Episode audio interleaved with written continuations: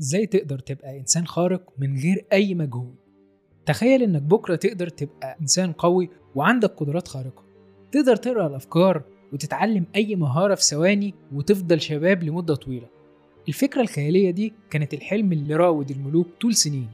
الإنسان من زمان بيسعى للوصول لإكسير الخلود لكن دلوقتي التكنولوجيا خلت الخيال ده أقرب للحقيقة خصوصا بعد تطور تقنيات الطباعة ثلاثية الأبعاد وتقنيات النانو تكنولوجي والشرائح الذكية.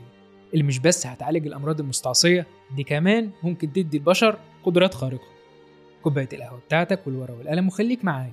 وخليني أقول لك الطريقة السحرية اللي هتحقق حلمك عشان تبقى superhuman أنا أحمد طه وأنت بتسمع الخلاصة.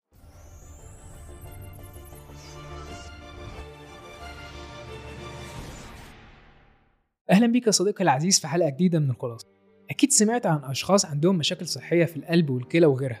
فطبقا لتقديرات منظمة الصحة العالمية في حوالي مليون حالة في العالم على قوائم الانتظار لزراعة الكلى وحوالي 130 ألف عملية زراعة أعضاء سنويا لكن للأسف ده يعتبر 10% بس من الطلب العالمي على زراعة الأعضاء والأنسجة البشرية.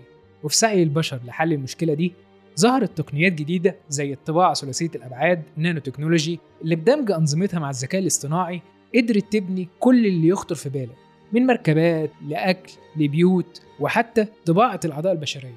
وده من خلال طباعة الأعضاء زي القلب والجلد وحتى قرنية العين في خلال ساعات.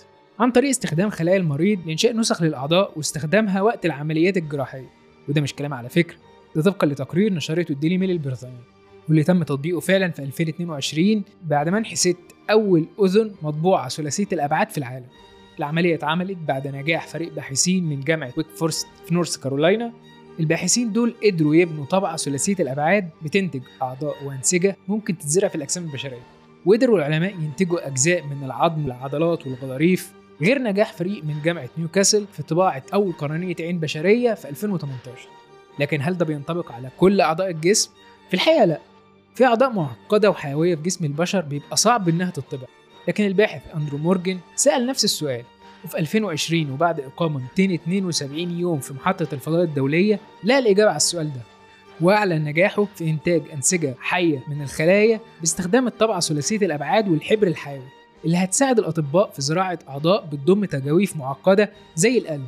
وده لأن إنتاج أنسجة لأعضاء معقدة بالطباعة ثلاثية الأبعاد على الأرض هيتسبب في تفكك الأنسجة دي بفعل الجاذبية الأرضية. لأن زراعة الأنسجة دي بتحتاج نوع من السقالات العضوية المؤقتة للحفاظ على تماسكها خصوصا لو جواها تجاويف زي حجرات القلب لكن المؤثرات دي مش موجودة في البيئة اللي جاذبيتها قليلة زي الفضاء. وبيتوقع إن في خلال عشر سنين هنقدر نزرع أنسجة وأعضاء مطبوعة بالكامل وبتشتغل بصورة طبيعية. غير تطبيقات تانية لعلاج بعض الأمراض زي الزهايمر من خلال استبدال الخلايا المريضة بخلايا تانية سليمة. وعلى الرغم من تفاؤل الباحثين بالتكنولوجيا دي إلا إن بعض الباحثين واللي منهم عالم الوراثة الأمريكي كريستوفر ميسون شايفين إن العلاج الأفضل هو النانو تكنولوجي والهندسة الجينية. ففي كتابه ال 500 عام القادمة إعادة هندسة الحياة للوصول لعوالم جديدة بيقول إنه شايف إن حياة الإنسان على الأرض ليها تاريخ انتهاء صلاحية. فالحياة على الأرض هتنتهي سواء بسبب الكوارث المناخية أو الحروب أو غيرها. وبيقترح في كتابه برنامج من 10 خطوات بتتم خلالها هندسة الجينوم البشري عشان الإنسان يبقى قادر على تحمل البيئة القاسية للفضاء الخارجي. باستخدام التكنولوجيا الحيوية وعلم الوراثة وتكنولوجيا الذكاء الاصطناعي. اللي اتكلم عنه ميسون في كتابه عن تعديل الجينات تم استخدامه وإثباته فعليا في أكتوبر 2020 لما منحت لجنة تحكيم نوبل للكيمياء الفرنسية إيمانويل شاربينيه والأمريكية جينيفر داودنا جايزة لجهودهم في تطوير تقنية مقصات جينية أو تقنية CRISPR Cas القادرة على تعديل الجينات البشرية. وكنا اتكلمنا عنها قبل كده في حلقة البعوض القاتل وحلقة ال GMO هسيب لك link ات الحلقات في المصادر لو حابب تعرف أكتر. الموضوع ما بقاش مجرد بحث نظري.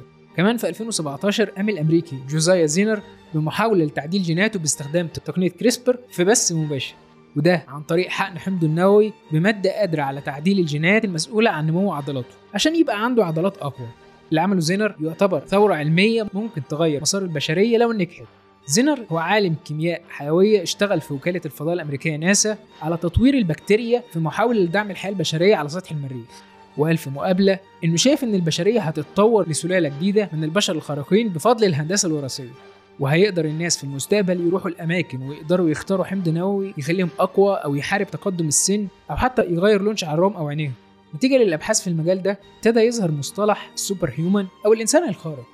وخاصة بعد إعلان إيلون ماسك عن شريحة نيورالينك اللي قال إنها مش بس هتقدر تعالج أمراض زي الزهايمر وأمراض الذاكرة وإصابات النخاع الشوكي والشلل والقلق والإدمان وغيرها ده كمان أعلن الأسبوع اللي فات نجاح أول عملية زراعة شريحة لمريض فعليا.